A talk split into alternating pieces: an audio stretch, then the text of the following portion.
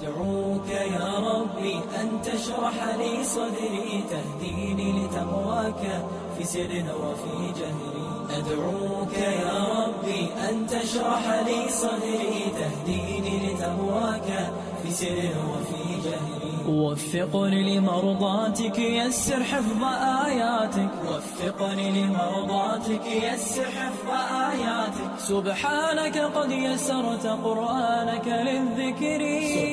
سبحانك يا ربي سبحانك يا ربي سبحانك يا ربي سبحانك يا رب. قرآنك يا حافظ يهدي للتي أقوم فاعمل بما تحفظ قد عرفت ذا فالزم. قرآنك يا حافظ يهدي للتي أقوم فاعمل بما تحفظ قد عرفت ذا فالزم. عز هو للأبناء فخر هو للآباء. عز هو للأبناء فخر هو للآباء. سبحانك قد يسرت قرآنك للذكر. سبحانك يا ربي. بسم الله الرحمن الرحيم. الحمد لله رب العالمين.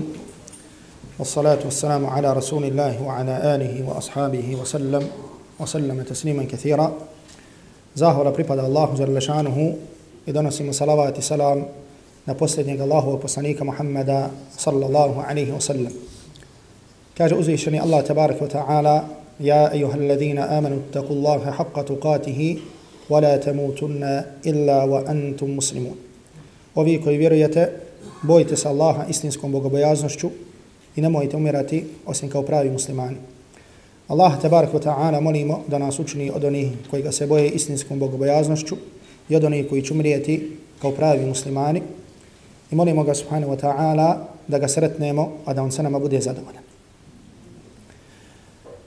Zabiljež imam Bukhari i Muslim u svojim sahihima od Ebu Sa'ida al-Khudrija radijallahu ta'ala anhu da je Allahu poslanik sallallahu alaihi wa sallam rekao يقول الله عز وجل يوم القيامة da će uzvišeni Allah tabaraka wa ta'ala na sudnjem danu reći Ja Adam, o Adame. To jeste da će zovnuti Adama alaihi salam. Pa će se Adama alaihi salam odazvati i reći labbejke wa sa'adejke. Odazivam ti se gospodaru. Pa kada to kaže, začuće glas koji kaže inna Allaha ya'muruka an tukhrija min dhurriyatika ba'than ila an-nar. Allah ti naređuje da iz svog potomstva izdvojiš skupinu za vatre. Pa Adam alaihi salatu wasalam kada čuje ove riječi da izvede iz svog potomstva skupinu za vatre, reče ja rab, o gospodar, وَمَا بَعْثُ النَّارِ Šta je to skupina koja je za vatru? To jeste ko su oni i koliko je. Pa ćemo uzvišeni Allah tabaraka wa ta'ala reći min kulli alfin tis'u mi'atin wa tis'atun wa tis'une. I svake hiljade 999 da izvedeš za vatre. Pa Allahu poslanih sallallahu alaihi wa sallam, draga braći, cene sestre, kada je citirao ove riječi, Allahu poslanik sallallahu alaihi wa sallam je rekao fahina idhin tada'u hamilu hamlaha. Tog trenutka, to jeste kada uzvišeni Allah tabaraka wa ta'ala na sudnjem danu kaže ove riječi, to će biti trenutak kada će trudnica pobaciti svoj plod. Wa yashibul walad i kada će dijete osjediti.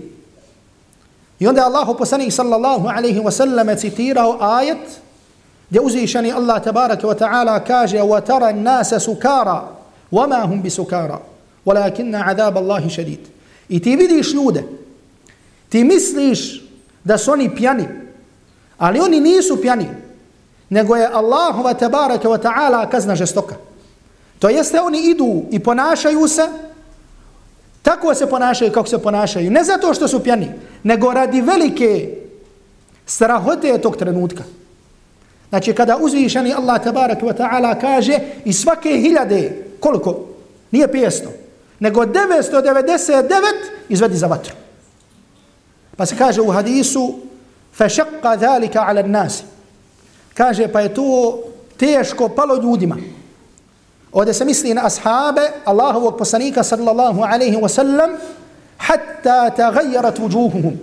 Kaže tako da su se promijenula njihova lica. To jeste kada su čuli ovaj hadis, toliko su se prepali da su se njihova lica promijenila.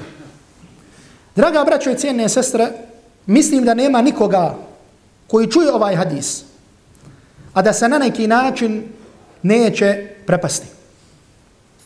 I zato na samom početku ovog našeg večerašnjeg druženja kažem, kada bi čovjek, svejedno da li bio vjernik ili nevjernik, kada bi samo pet minuta istinski razmislio o jednoj činjenci, a to je da će umrijet, da će biti spušten u kabur, da će ga zemlja zakopa, biti preko njega, da će ostati sam u kaburu, bilo bi dovoljno da čovjek počne tragati za putevima svog spasa i na dunjalku i na ahiretu.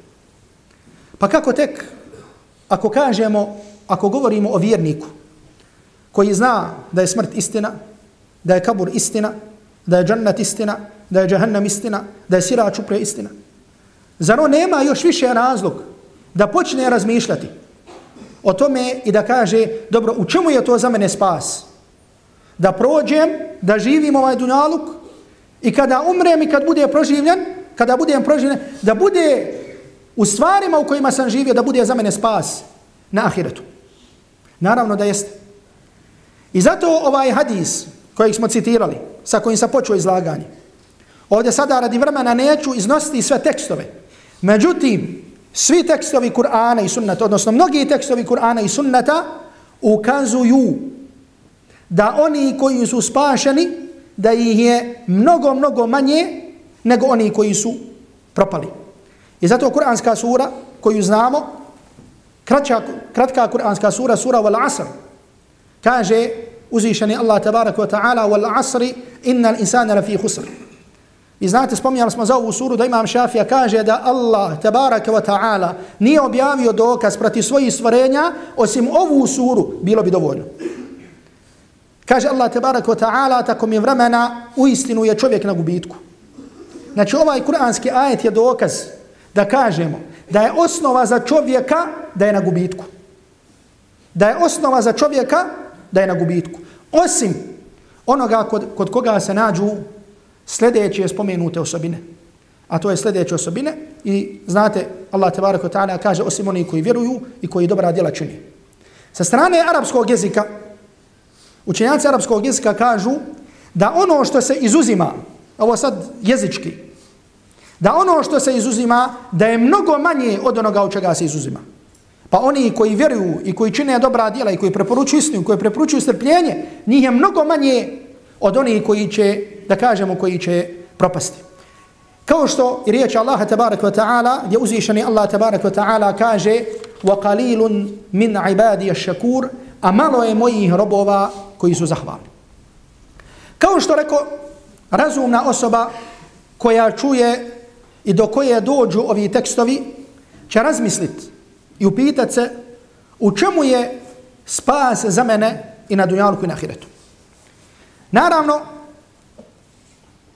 čitav Kur'an i sunnata Allahovog poslanika sallallahu alaihi wa sallam nam govore o tim putevima. Međutim, ja ću večeras ovdje pokušati da zajedno iznesemo uh, neke od činjenica pod koje se mnoge druge činjenice mogu spomenuti.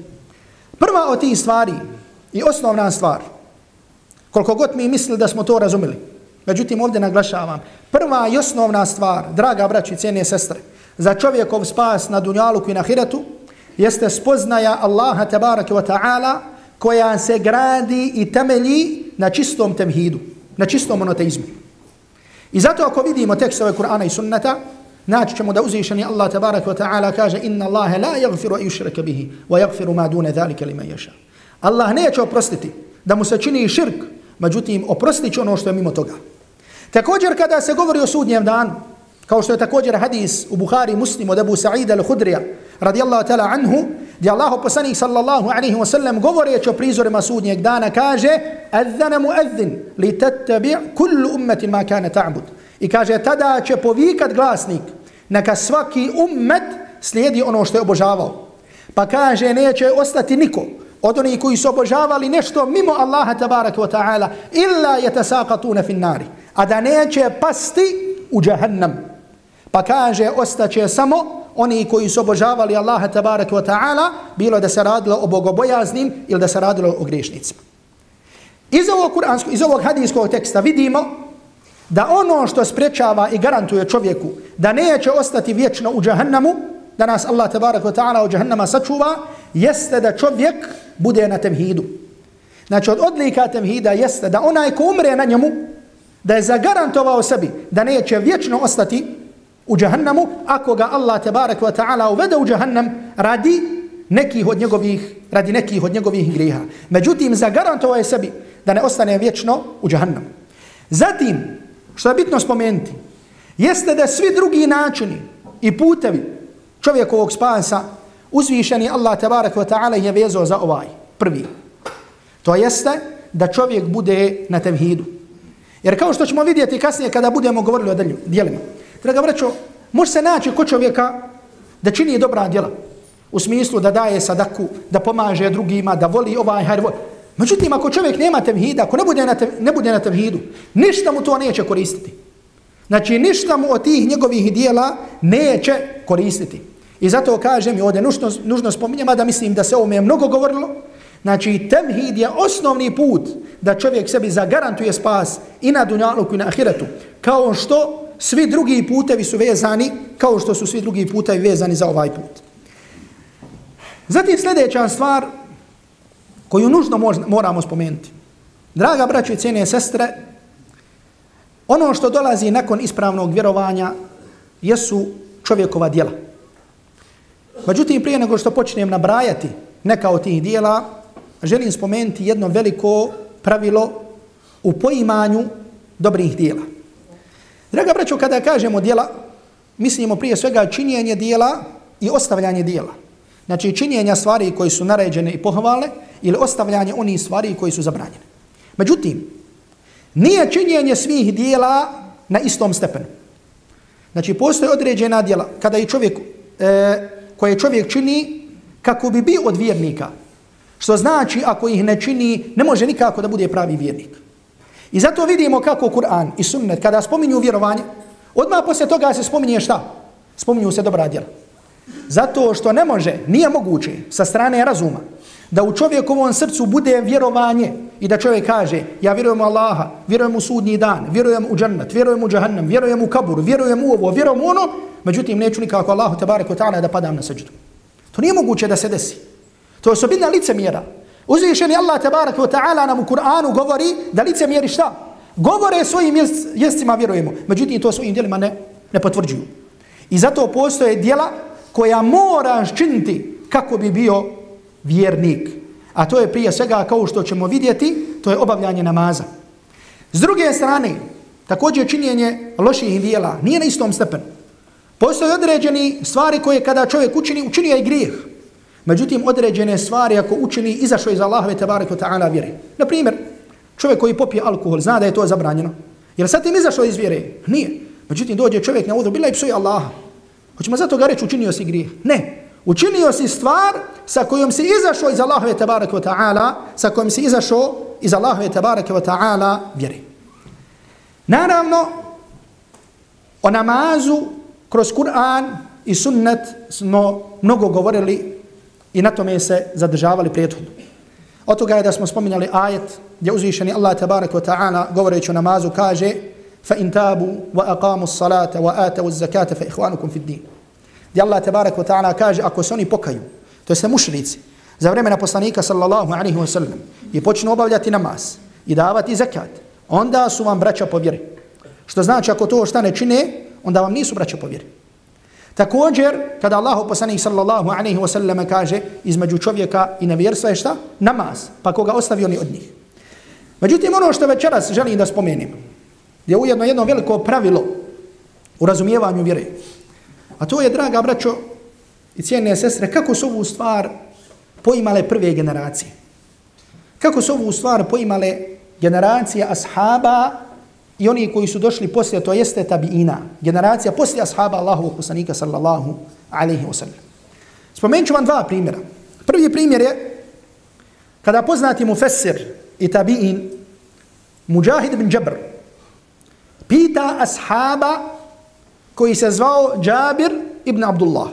Poznati ashab Allahovog poslanika sallallahu alaihi wa sallam. Mujahid ibn Jabr kaže Džabiru, kaže, ma kana yufarriq, šta je, kaže, razdvajalo iman od nevjerstva kod vas za vrijeme Allahovog poslanika sallallahu alaihi wa sallama od dijela. Još jednom ću ponoviti ovo pitanje. Znači, pita ga ko Mujahid ibn Jabr. Pita koga? Pita Džabr ibn Abdullah. Kaže, šta je to što je razdvajalo iman od kufra? Vjerovanje od nevjerovanje. Međutim, kod koga? Nije mu rekao kod tebe. Nego kaže, kod vas, ashaba Allahovog poslanika, alaihi salatu wasalam. Kada? Za vrijeme Allahovog poslanika, sallallahu alaihi wasallam. Pa mu kaže, Jabir ibn Abdullah, u jednoj riječi, kaže, as-salat. Kaže, namaz. To jeste, da li je neko na vjerovanju ili nije na vjerovanju, po čemu se je znalo? Po obavljanju namaza. Ovo, draga brećo, nije bilo poimanje jednog ili dvojice ili trojice ashaba Allahovog poslanika alaihi salatu wasalam. Ovo je bilo poimanje svi ashaba Allahovog poslanika sallallahu alaihi wasallam. I zato u drugoj izreci kaže Hasan al-Basri belagani, kaže do mene je došlo anna ashaba rasulillahi sallallahu alaihi wasallam kanu yakulun. Kaže do mene je došlo da su ashabi Allahovog poslanika sallallahu alaihi wasallam govorili. Znači opet kažemo, znači ne da je govorio Abu Hurajra, da je govorio Abu Bakr, da je govorio Omer, ne nego ashabi kao generacija. Da su govorili bejna rađuli wa bejna an yushrik fa yakfur. Kaže između čovjeka i između širka i da učini nevjerstvo, kaže jeste da ostavi namaz min gajri uzrin, da ostavi namaz bez opravdanog razloga. Znači to je bilo poimanje vjere kod ashaba Allahovog poslanika sallallahu alaihi wa sallam. Ove predaje sam naveo iz razloga. Zato što na veliku, na veliku žalost vidimo nemarnost po pitanju obavljanja namaza, da tako kažem, kod naši, u našim porodicama, u našem komšiluku, u našoj svakodnevnici. Pogotovo zato što često govorimo o nekom bošnjačkom islamu. Nakon ovih izreka spomenut ću vam samo dvije, tri izreke naših alima sa ovih prostora kako su govorili o namazu.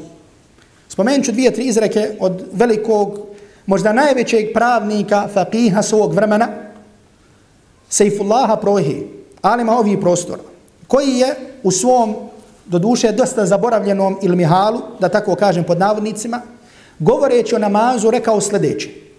Međutim, prije nego što ga navedem, želim da kažem, da islamski učenjaci su se razilazili oko ostavljanja namaza iz ljenosti. Da li je nevjerstvo ili nije nevjerstvo. Međutim, svi su oni složni i svi su se složili oko toga da je najvažnije i najbitnije dijelo obavljanje namaza.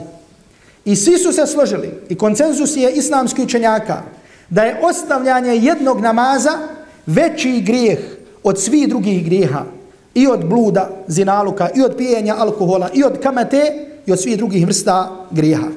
Pa kaže ovaj alim, uzet ću dvije, tri minute, samo da pročitam doslovno njegove, njegov govor, gdje je govoreći o namazu rekao.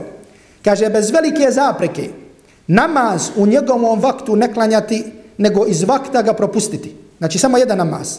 Pa poslije toga naklanjati veliki je haram. 80 ahiretskih godina da u džahannamu gori zaradio je. A kako je tek kada ga nikako ne klanja? Zatim kaže, ko ne klanja, se ostale ibadete ko uradi, ništa mu se na kijametu neće okabuliti. I onda kao pravnik, kao što je to običaj pravnika, nekada da spominju neke stvari koje rijetko mogu da se desi. Međutim, spominju ih u kojem kontekstu, spominju ih u kontekstu ako bi se desilo, ili da ukažu na važnost određene stvari.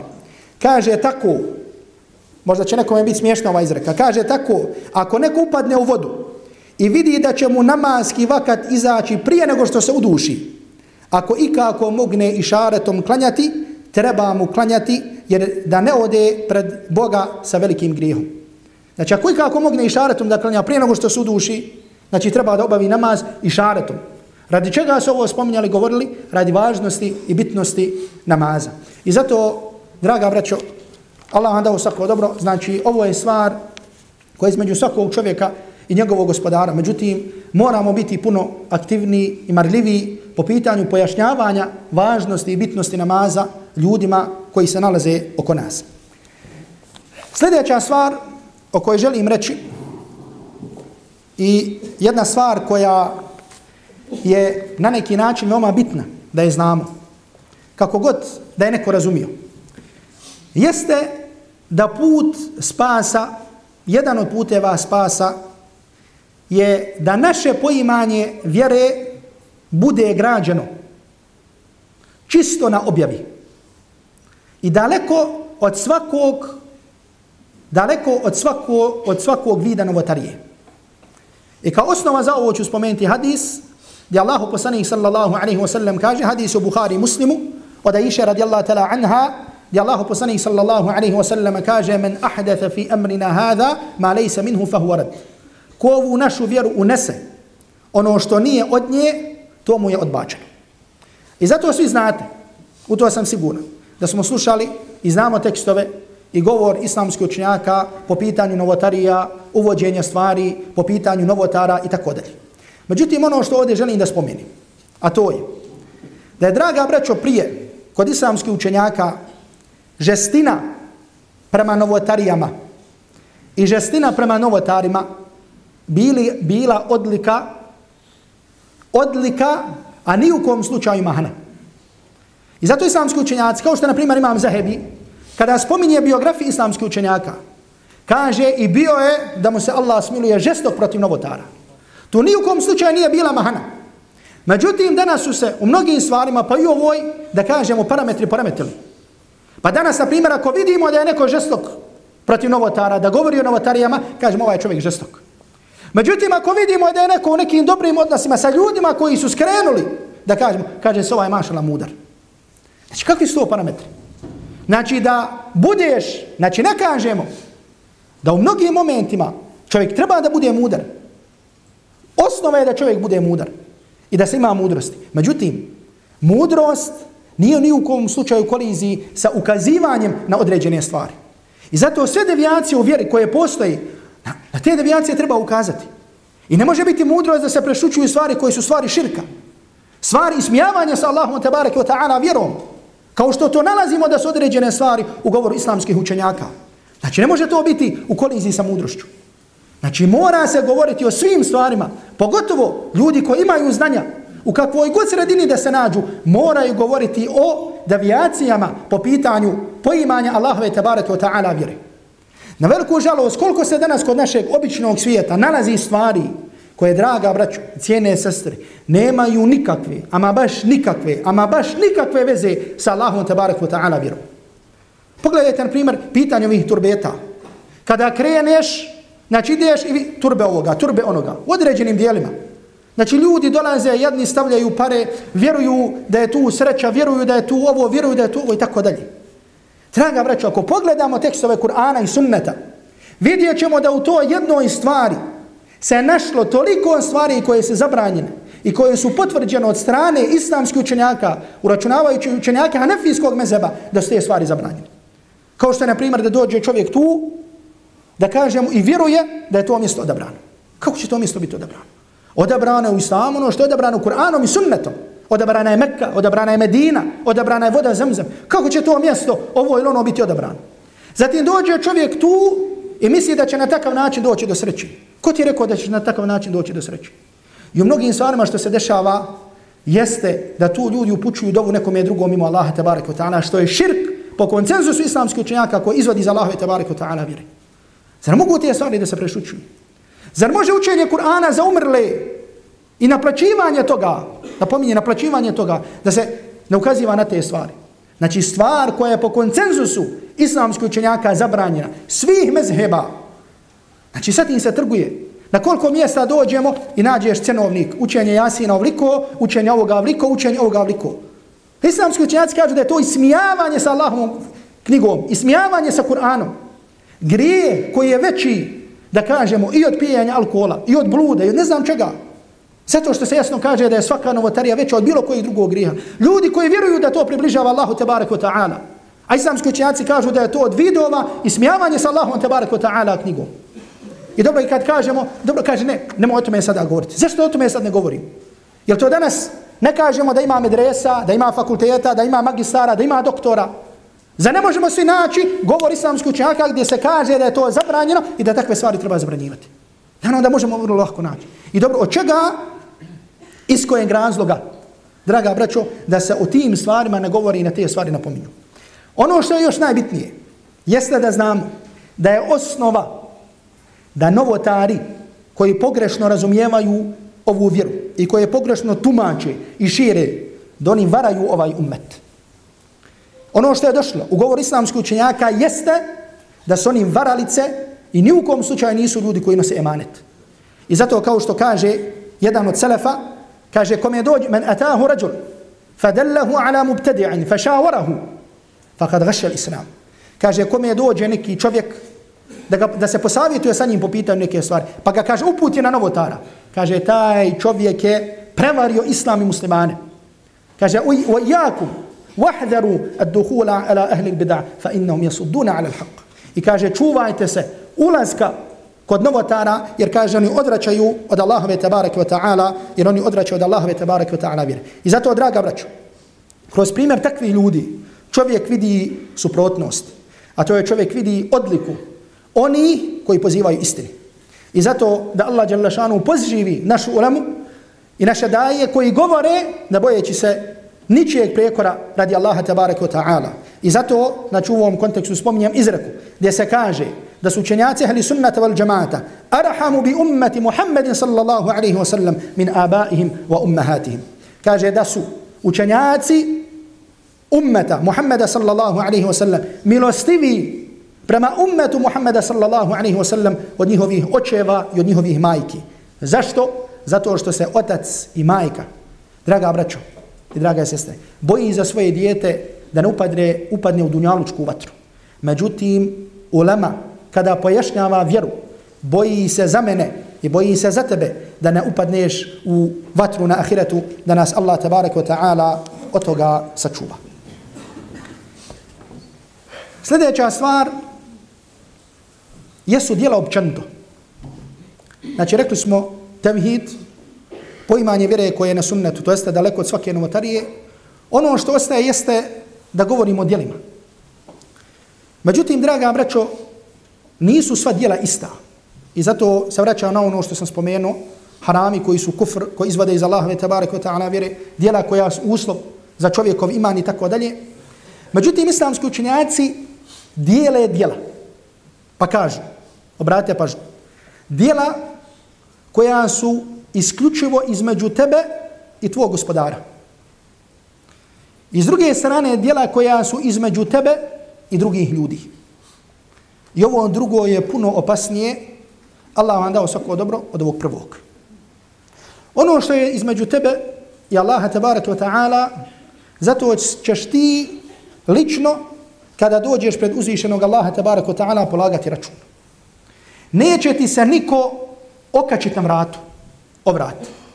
Međutim, kad su pitanju ovi drugi grijesi, doćeš sa tim grijehom i naćeš još nekoga da se okačio za vrat. Zašto? Zato što je vezan njegov hak. Međutim, je ova prva kategorija o kojoj govorim, ni u kom slučaju nije mala. I Allahu poslanih sallallahu alaihi wa sallam koji je vidio prizore, određene prizore, za određene prizore, draga braćo i cijenine sestre, za određene prizore, kada bi ih vidio, poslanik sallallahu alaihi wa sallam bi rekao, subhanallah, šta je ovo? Za neke grijehe, kako će ljudi biti kažnjavani? Možda neke grijehe da Allah tebarak wa ta'ala sačuva koje možemo prepoznati kod nas. A to je, spomenut ću samo jedan hadis. Ovo je jedan duži hadis Allahovog Rasula sallallahu alaihi wa sallam koja je kao i svaki hadis tako i ovaj hadis. Ali želim da kažem da je svaki hadis, dragi brati, draga sestru, Allahova milost i Allahova blagost prema ovom ummetu. Da nam se kaže zašto ćemo biti, zašto možemo biti kažnjavani, pa da to ne činimo.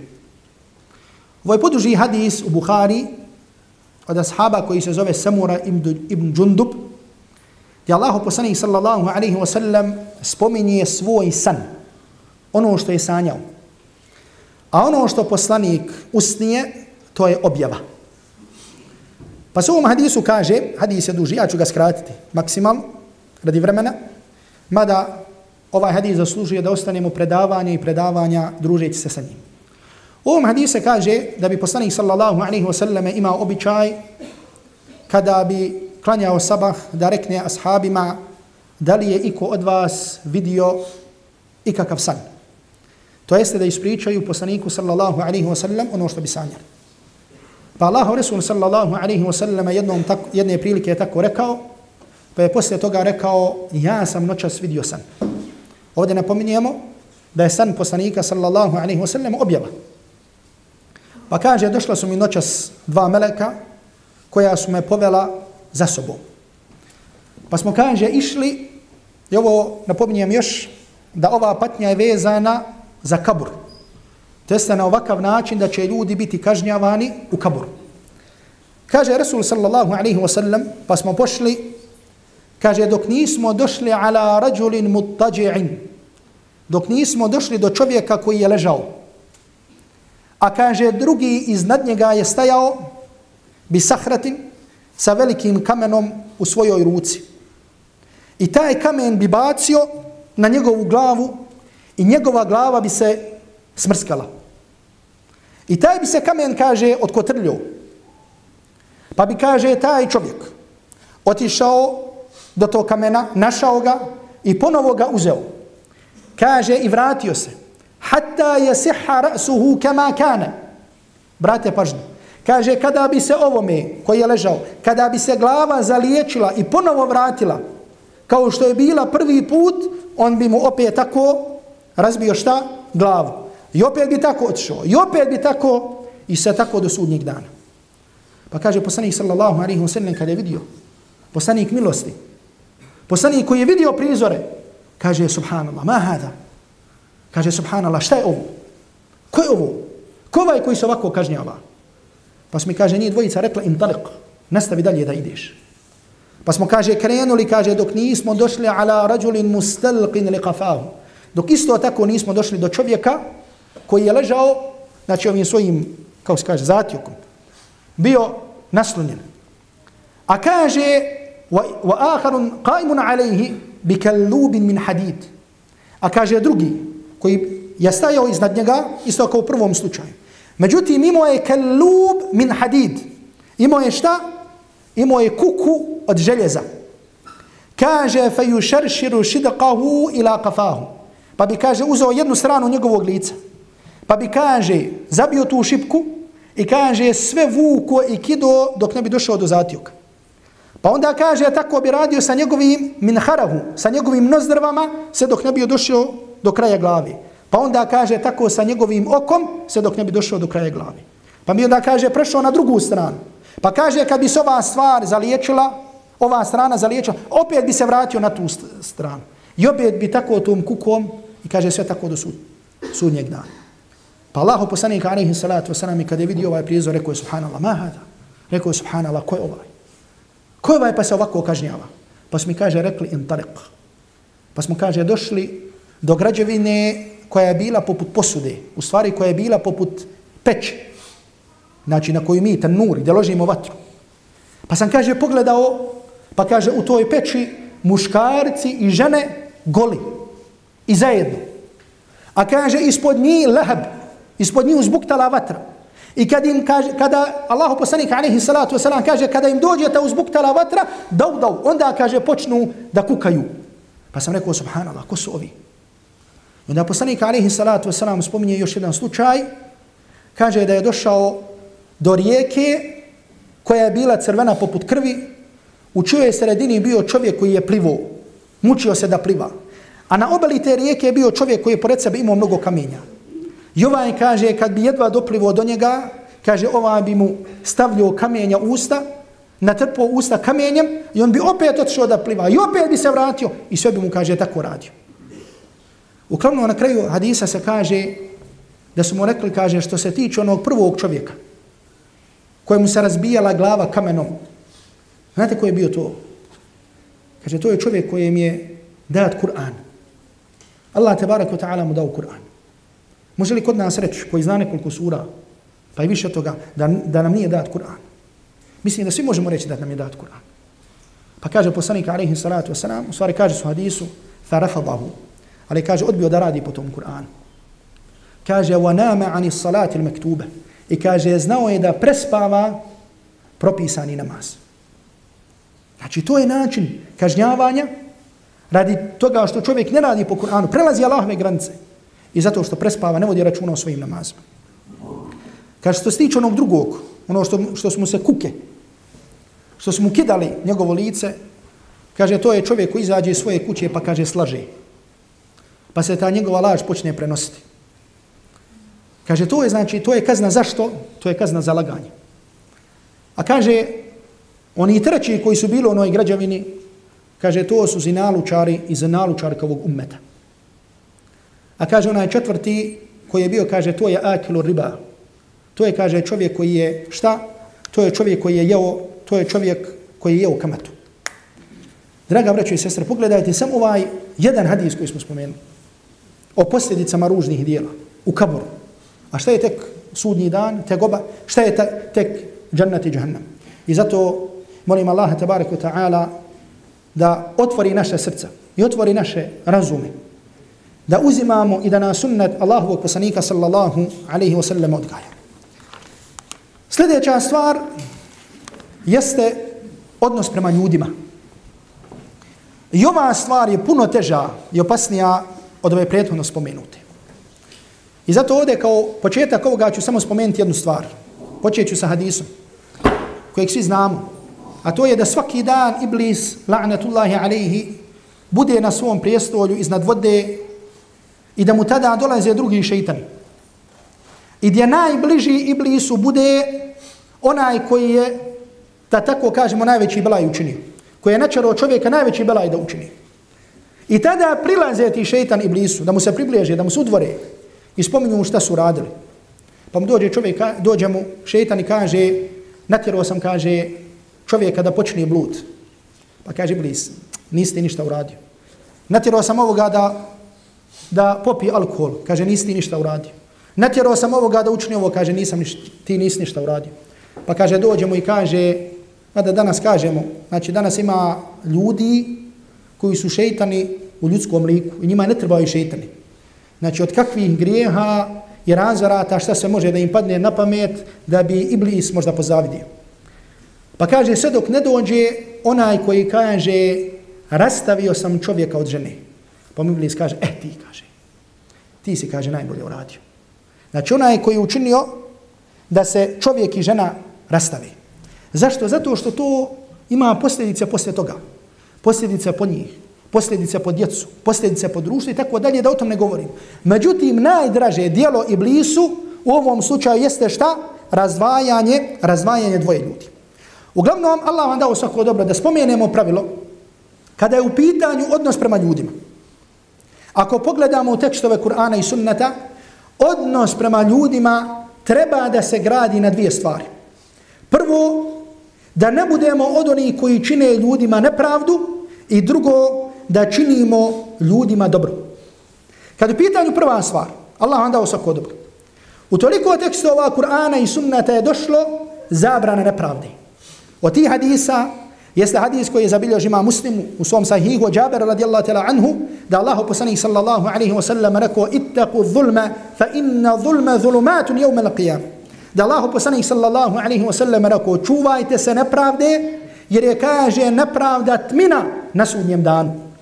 Allahu poslanika alaihi salatu vesselam u jednom hadisu kaže da su tri vrste nepravde. Nepravda čovjeka prema samom sebi, grijesima i kaže to će Allah oprostiti. Nepravda u činjenju širka, to Allah neće oprostiti. I kaže nepravda robova jedni prema drugima kaže Allahu poslanika alaihi salatu wasalam, zulmun la yatrukuhu Allah. Kaže, nepravda koju uzvišeni Allah tabaraka wa ta'ala neće ostaviti. To jeste, neće ostaviti, a da se zato neće osvetiti. I zato, činjenje nepravde ljudima je od uzroka da čovjek propadne i na dunjalu i na hiretu. I zato Allahu robovi, da ti neko kaže od robova, da ti neko kaže, Allahu ću se požaliti na tebe. Ili moj i tvoj spor je kod Allaha. Jesmo li mi svjesni šta znači ta riječ? Šta znači ta rečenica? Zamisli da ima negdje kadija na dunjalku, da ima negdje vladar i da ima sudija, da ima kadija koji je pravedan. I dođe ti neko, živiš tu i kaže ti da ćete na sud, da ćete kadiji. Tome je koji je pravedan. I ti znaš u dubini svoje duše da ti nisu pravo. I ti znaš da on pravedan. Tako ti Allah bili se za to prepoku. A zamislite konda da dođeš na sudnji dan, gdje kadija, gdje sudija uzvišeni Allah tabaraka ta'ala i da neko kaže od Allahovi robova, neko možda na koga se zaboravio, da kaže ja te tužim uzvišenom Allahu tabaraka ta'ala. I zato, draga braću, mimo onoga što će čovjek imati od svojih grijeha, dolaziš sa tuđim hakovima, vučeš i za sobom. I zato Allahu poslanik sallallahu alaihi wa sallam, kao što je zabilježio ima muslim, uh, kao što je zabilježio imam Bukhari u svom sahihu, Kaže Allah poslanik sallallahu alaihi wa sallam, ko bude imao nepravdu, to jeste da je učinio nepravdu nekom svom bratu, u njegovoj časti ili nečemu drugom, kaže, neka od njega zatraži, felijeta halal minhu lijom, neka od njega zatraži halal danas prije nego što dođe dan, kada neće biti dinara, kada neće biti dirhama. Pa kaže, ako bude čovjek imao dobrih dijela, to jest onaj koji učinio nepravdu, Kaže, od njegovih dobrih dijela će se uzeti onoliko koliko učinio nepravde drugim. A kaže, ako ne bude imao dobrih dijela, od ovo kome je učinjena nepravda, bit će uzeto greha i bit će stavljeno na vrat ovome drugom. I zato Allahovi robovi, znači, hak drugih ljudi je nešto što se čovjeku vraća i na dunjaluku prije, na ahira, prije ahirata, da nas Allah tabaraka wa ta'ala od toga sačuva, da nas sačuva od nepravde. Kada u pitanju činjenja dobra ljudima, Postoje mnogo tekstova Kur'ana i sunneta. I od toga je sigurno da ste čuli hadise, ko otkloni od vjernika neku tegobu, Allah će otkloniti od njega na dunjalu i na hiratu, ko vjernik učini ovo, Allah će učiniti njemu i tako dalje. Međutim, želim vam ovdje samo pročitati, odnosno spomenuti značenje govora Ibn Qayyima, rahmetullahi alihi, e, za koji kažem, kao što imam običaj nekada kažem u predavanjima, kada bi samo čuli večeras ovaj govor i razišli se i samo nam on ostao u glavi, inša Allah i ta'ala da smo se koristili mnogo. Kaže Ibn Qayyim, rahmetullahi alaihi, e, nakon njegovog poimanja svi ovi tekstova, kaže, ko bude, ko bude blag prema Allahu i robovima, Allah će biti blag prema njemu. Ko bude činio dobro Allahovim robovima, Allah će činiti dobro njemu. Ko bude darežljiv prema Allahovim robovima, Allah će biti darežljiv prema njemu. Ko sakrije sramotu Allahovi robova, Allah će sakriti njegovu sramotu. I onda kaže Ibn Qayyim, i ovu rečenicu nadam se da ćete zapamtiti. Kaže, وَمَنْ عَامَلَ خَلْقَهُ بِصِفَةٍ عَامَلَهُ اللَّهُ بِتِلْكَ صِفَةِ بِعَيْنِهَا فِي الدُّنْيَا وَالْآخِرَ. Kaže, ko se bude obhodio prema Allahovim robovima sa nekom osobinom, bilo kakvom osobinom, bilo dobrom ili bilo lošom, kaže, Allah tebareke wa ta'ala će se sa istom tom osobinom obhoditi prema njemu i na dunjalu i na hiretu. Ko se bude obhodio, ponavljam još jednom, sa nekom osobinom prema Allahovim stvorenjima, Allah će se sa istom tom osobinom obhoditi prema njemu i na dunjalu i na hiretu. I zato ako si ohol prema Allahovim stvorenjima, očekuje Allahu tabarak wa ta'ala gordost i Allahu tabarak wa ta'ala oholost. Ako omalovažavaš Allahove robove, znaj da će te Allah tabarak wa ta'ala zaboraviti i ostaviti. Ako si milostiv prema Allahovim robovima, onda očekuje Allahu tebarek wa ta'ala milost. Draga brać, ovo je govor koji, kao što kažu islamski učenjaci, koji je vrijedan da se zlatom zapiše.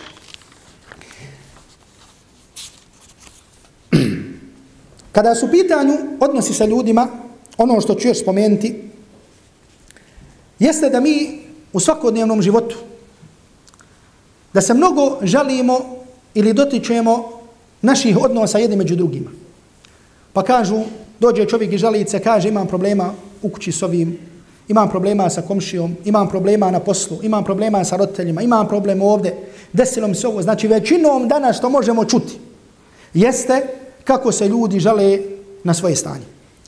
Ono što ovdje želim da spomenem, ovo sam je spomenuo na jednom predavanju u smislu pravila, međutim samo ću vam ukratko spomenuti, jeste da čovjek, u našem svako, jeste da mi u našim svakodnevnim životima treba da činimo dobro drugim ljudima, međutim da se ne nadamo nikakvoj nagradi od samih ljudi, nego da svo naše očekivanje bude samo od uzvišenog Allaha tabaraka ta'ala. Drugo, i što je najbitnije, što ovdje povlač, pod, podvlačim, jeste da znamo da sve ono što zadesi vjernika koji je na dobrom djelu, jeste da u tome ima velika mudrost. I zato, draga braćo i cijene sestre, nekada dođe iskušenje, tako mi Allaha dođe da nas riješi iskušenja. Dođe nam da nam otvori puteve dunjaloka i hireta. Međutim, mi toga nismo svjesni. Mi kukamo za ono što nas je zadesilo. Međutim, nismo svjesni da to možda nosi olakšanje za nas. Koliko god to na prvi pogled bilo teško. I zato, kao što kažu islamski učenjaci, kaže iskušenja su gosti koja dolaze svaki dan. Pa i kaže dočekajte saburom. Pa i dočekajte šta? Saburom. I sar koju napominju jeste da znamo, da budemo ubijeđeni da sve ono što nas zadesi, da to, u tome ima Allahove tabarek wa ta'ala mudrost. Kao primjer toga ću spomenuti samo kuranski primjer gdje uzvišeni Allah tabarak wa ta'ala odgaja i podučava prije svega vjernice, a onda i vjernike. Primjer u suri Marijem. Marijem je bila ko? Majka Isa alaihi salam. Znači zamislite čast da budeš roditelj, da budeš u nekakvoj vezi sa nekim od poslanika. Zamisli čast da tvoje oči vide poslanike, nekog od poslanika. I zato vidimo čast ashaba Allahovog poslanika alaihi salatu wasalam koji su vidjeli Allahovog poslanika alaihi salatu wasalam. Međutim, zamislite čast da budeš u rodbinskoj vezi sa nekim od poslanika. I zato znate odliku ahlul bejta u islamu, u Kur'anu i sunnetu. Međutim, zamisli odliku da budeš roditelj poslaniku. Marijama alaihi salam je bila majka Isao alaihi salam. Međutim, Allah je poslao iskušenje A to je da je zanijela Isa alaihi salam bez koga? Bez muža, bez oca. I Allah Đelešanu spominje sva ta iskušenja koja je doživjela. Znači, jeste da su joj rekli, šta? Znači, došla si sa še'en farija. Znači, s kakvim se ovo belajem došla? Ma kena buk im ra'an sau'in, ma kena tumu. Ni babo ti taki nije bio, ni majka ti taka nije bila. Došla si, došla si sa tim da si zanijela. Obtužili se da je počinila blud. Marijama alaihi salam u toj tegobi je šta govorila? Ja lejteni mitu qabla hada wa kuntu nesin mensija. Da sam Bog da umrla prije ovoga i da sam potpuno bila zaboravljena.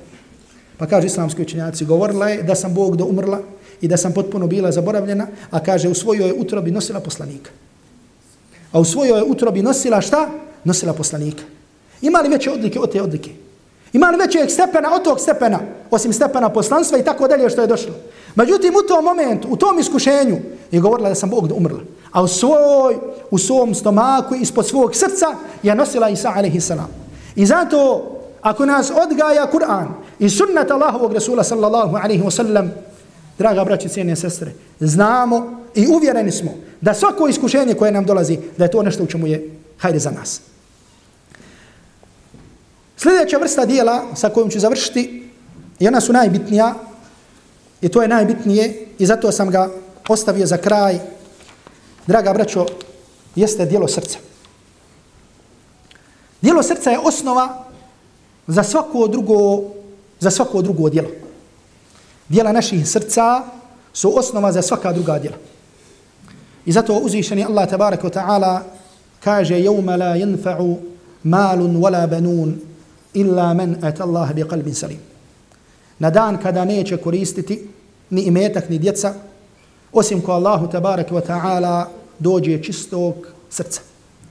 Osim ko Allahu tabarak wa ta'ala dođe čistog srca.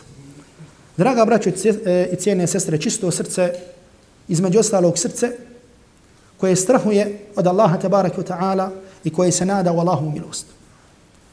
Međutim, misterija je što nikada ne znamo šta će prevagnuti. Hoće li prevagnuti neko naše dobro djelo koje smo učinili, pa prevagnuti ona loša djela, ili neko loše djelo izbrisati naša dobra djela.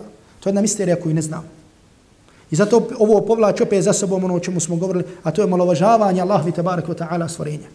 I zato strah i nada i od osnovnih dijela od dijela čovjekovog srca. Ono što ću spomenuti na kraju ovog našeg druženja jeste kazivanje koje je zabilježio Ibn Abi Šejbe u svom sannafu sa senedom do ashaba koji se zvao Ebu Musa al-Ash'ari radijallahu ta'ala anhu da Ebu Musa al-Ash'ari na svojoj smrtnoj posteli rekao svojoj djeci udhukuru qissate sahib al-Raghifi da Ebu Musa al-Ash'ari rekao svojoj djeci, svojim potomcima na smrtnoj posteli kaže sjećajte se to jeste zapamtite kazivanje o vlasniku hljeba. Pa prije nego što spomenem ovo kazivanje, kazat ću da se ovo prenosi od ashaba Allahovog poslanika sallallahu alaihi wa sallam, to je jedna stvar, a druga stvar je da se prenosi mnogo predaja gdje bi ashabi i učenjaci generacije poslije određene stvari izgovarali na smrtnim posteljama. Kada islamski učenjak, a prije svega ashab na smrtnoj postelji nešto kaže, to je velika stvar. To je na jedan način rezime njegovog znanja i njegovog života i ono što ostavlja u savjet svojim najbližim, a to je svojoj djeci. A čovjek sigurno ne želi nikome hajr kao što želi svom djetetu. Pa kaže Abu Musa al-Eš'ari, dalje kaže u narodima prija vas je bio pobožnjak koji je robovao Allahu tabaraka wa ta'ala 70 godina. I kaže imao je bogomolju u kojoj je bio posvećen samo ibadetu i kaže samo bi jedan dan u mjesecu ili sedmici izašao u grad, u pijacu da kupi sebi hranu. I na takav način je živio skoro 70 godina. Znači kada se kaže 70, hoće da se kaže nešto mnogo. Pa je kaže jednog dana izašao i na putu je vidio ženu, znači skraću ovo kazivanje, koja mu se je dopala, koja mu se je svidjela, upao u iskušenje, prije svega u razgovor sa njom, kaže sve dok joj se nije približio i dok nisu počinili blud. I kaže, ostao je sa njom nekoliko dana, kaže se 5, 6 ili 7 dana, i sa njom je griješio. Međutim, kaže, pokaje se Allahu tabarak wa ta'ala, vrati se, ostavi, toga, ostavi se toga i kaže, istinski se tako pokaje Allahu tabarak wa ta'ala. Kaže, da kada bi išao posle toga, da bi uvijek plakao i kaže skoro da ne bi napravio korak, a da Allahu tabaraka wa ta'ala ne bi pao na sađdu. I kaže, tako je išao ulicom poput, beskućnik, poput nekog beskućnika, niti je imao šta da obuče, niti je imao šta da jede, i kaže, našao je skupinu siromaha. I kaže, sio je sa njima, jel da kažemo, uvukao se u tu skupinu siromaha. Kaže, ti siromaha je bilo negdje oko 12 i svaki dan su imali čovjeka koji bi im došao i koji bi im svakome od njih podijelio po jedan hljeb. I kaže, dok je tako dijelio hljeb, hljeb jednog od njih zapadne u njegove ruke. Jedan od onih koji nisu dobili hljeb, se obrati ome koji je dijelio hljeb i kaže, pa gdje moj, kaže, hljeb. Kaže, dobio si hljeb. Kaže, nisam, kaže, Allah mi dobio hljeb. Kaže, ili si ti, kaže, uzo hljeb, ili je, kaže, neko uzo dva hljeba. Ali kaže, zato što si taki, nikada ti više neću dati hljeb. Kada je ovaj pobožnjak, ovaj čovjek koji učinio grije koji učinio, kada je ovo čuo, smilovao mu se i odnio mu i dao mu njegov hljeb. I kaže se onda da je u toj noći umro. Pa kaže da je došao pred Allaha tabaraka wa ta'ala. Pa kaže da su se vagala njegova djela. Pa je kaže na jednu stranu bio stavljen njegov ibadet od 70 godina. A na drugu stranu grijeh koji je činio 7 dana. Znači zamislite ibadet 70 godina. Nije to ibadet ono odoklanja Twitter, Allahu akbar, jedna rekat, alhamdulillah. Znači nije to ibadet ono, čo ovaj jedva, koji je pet maraka sam dao, ono, nego to je znači 24 sata ibadeta. Znači nije da se naložiš ibadet pa ono ode bi dobar. Pa učiniš nešto pa se... Ne, nego to je bio intenzivan ibadet. 70 godina takvog ibadeta naspram 7 dana griješenja. Pa se kaže, pa je prevagnulo ni 7 dana griješenja. Pa je kaže, ostalo ono griješenje i nije mu ostalo dobrih dijela ništa osim kaže ono njegovo dijenjenje hljeba. Pa je došlo, na jedan tas se stavio oni sedam dana ili sedam noći griješenja, a na drugi tas vagi ona jedan hljeb Pa je kaže prevagnuo na jedan hljeb. Šta je ovdje ibret? Ovdje će neko vidjeti isto kao što stavljaju one slike, pa neko vidi ovo, neko vidi ovo. I u ovom primjeru neko može vidjeti primjer kako šta, kako malo dobro djelo nadvlada šta? Loša djela. Neko može vidjeti kako grijeh može da poništi čovjekova dobra djela. Pojenta je jedno i drugo. Pojenta je što je misterija i tajna i čudo dunjalučko, najveće čudo od dunjalučkih čuda za koje smo vidjeli i čuli, zato što ne znamo šta će nam prevagnuti. Hoće li nam dobro djelo prevagnuti loše djelo ili je možda neko loše djelo učinjeno tako da, na, da prevagne sva druga dobra djela. Draga braći, sine, sestre, ne znamo. Hoće li prevagnuti naše učenje Kur'ana ili će prevagnuti jedan naš zulum koji smo rekli nekome. Mi to ne znamo. I zato čovjek uvijek biva između straha i biva između nade. Znači, boji se za jedan svoj grijeh da će mu pobrisati druga djela. A i nada se za jedno djelo koje je učinio da će mu ga uzvišeni Allah tabarak wa ta'ala da će mu ga uzvišeni Allah tabarak wa ta'ala primiti i da će mu biti, da će mu biti oprošteno. I zato, draga braćo, bogobojaznost je ta koja nas razlikuje jedna od drugih. I to je ono po čemu se ljudi odlikuju jedni na drugima. To je koliko se boje Allaha tabarak wa ta'ala. Znači, sada smo imali događaj hijre I mašala slušamo ljude kako lijepo govore o hijđri. I o tome kako je došao Allahu poslanik sallallahu alaihi wa sallam u Medinu. I kako su ga ashabi Allahovog poslanika alaihi salatu wa sallam kako su izašli van Medine. I kako su čekali Allahovog poslanika sallallahu alaihi wa sallam da će doći. I kako Allahu poslanik sallallahu alaihi wa sallam je došao. Kako je ocijeo kod ovoga ashaba. Kako je bio s ovim ashabima. Možemo li mi postaviti sada pitanje sebi. Da nam danas dođe Allahu poslanik sallallahu alaihi wa sallam. Koga bi odabrao? Sa kim bi odabrao da bude? Bilo je odabrao da bude sa nekim zato što vozi dobro auto. Zato što dobro zarađuje. Zato što ima dobru kuću sa klimom i sa ostalim stvarima. Da li bi odabrao da bude s ovim zato što je završio fakultet? Da bude s ovim? Odabrao bi, Allah najbolje zna, znači ono što bi nas vaglo bila bi naša djela. I to je ono, draga braću, što će nas vagati na sudnjem danu. Neće to biti nekad ima da je ovaj ministar, da je ovaj sirotinja, da je ovaj tamo neki čato, da je ovaj ovo. Jedino što će nam na sudnjem danu biti od koriste, jeste naša dobra djela. I zato kažu islamski učenjaci u jednoj kraćoj izreci ili rečenci, kaže ono po čemu se ljudi razlikuju prije svega jeste potomstvo. A uzvišeni Allah tabarak wa ta'ala kaže fa idha nufiha fi suri fala ansaba bainahum kada se puhne u rok, neće biti potomstva među njima zatim se ljudi razlikuju po imetku i po djeci a uzvišeni Allah tabaraka wa ta'ala kaže yawma la yanfa'u malun wala banun. Dan kada neće koristiti ni metak ni djeca. Zatim se ljudi razlikuju po svom plemenu. To jeste koliko imaju jakog plemena. Allah tabaraka wa ta'ala kaže Jevme je firru al-mar'u min akhihi dan kada čovjek bude bježao od svog brata i od svoje majke i od svog oca. I ljudi se razlikuju po položaju, a kažu Faraon i Karun i Haman su bili od najvećih položaja kada su pitanju dunjalučki položaj. Allah te baraka ta'ala molim da nas se smiluje i da nam oprosti i da nas učini prije svega od oni koji su, koji razmišljaju o svom dunjaluku i o svom ahiretu, koji odabiraju puteve spasa dunjaluka i ahireta i da nas učini od oni koji će sresti Allah te baraka ta'ala a uzvišeni Allah tabarak wa ta'ala će im reći idi vama, idite, vama je oprošteno. Wa sallallahu ala Muhammedin wa alihi wa sahbihi wa sallam wa sallama taslima kathira.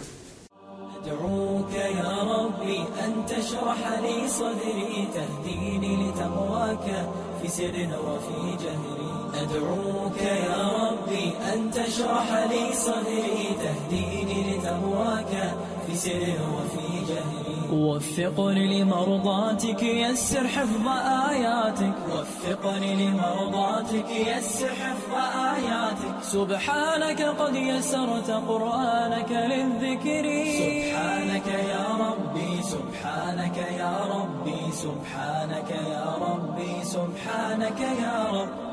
قرآنك يا حافظ يهدي للتي أقوم فاعمل بما تحفظ قد عرفت ذا فالزم. قرآنك يا حافظ يهدي للتي أقوم فاعمل بما تحفظ قد عرفت ذا فالزم. عز هو للأبناء فخر هو للآباء. عز هو للأبناء فخر هو للآباء. سبحانك قد يسرت قرآنك للذكر.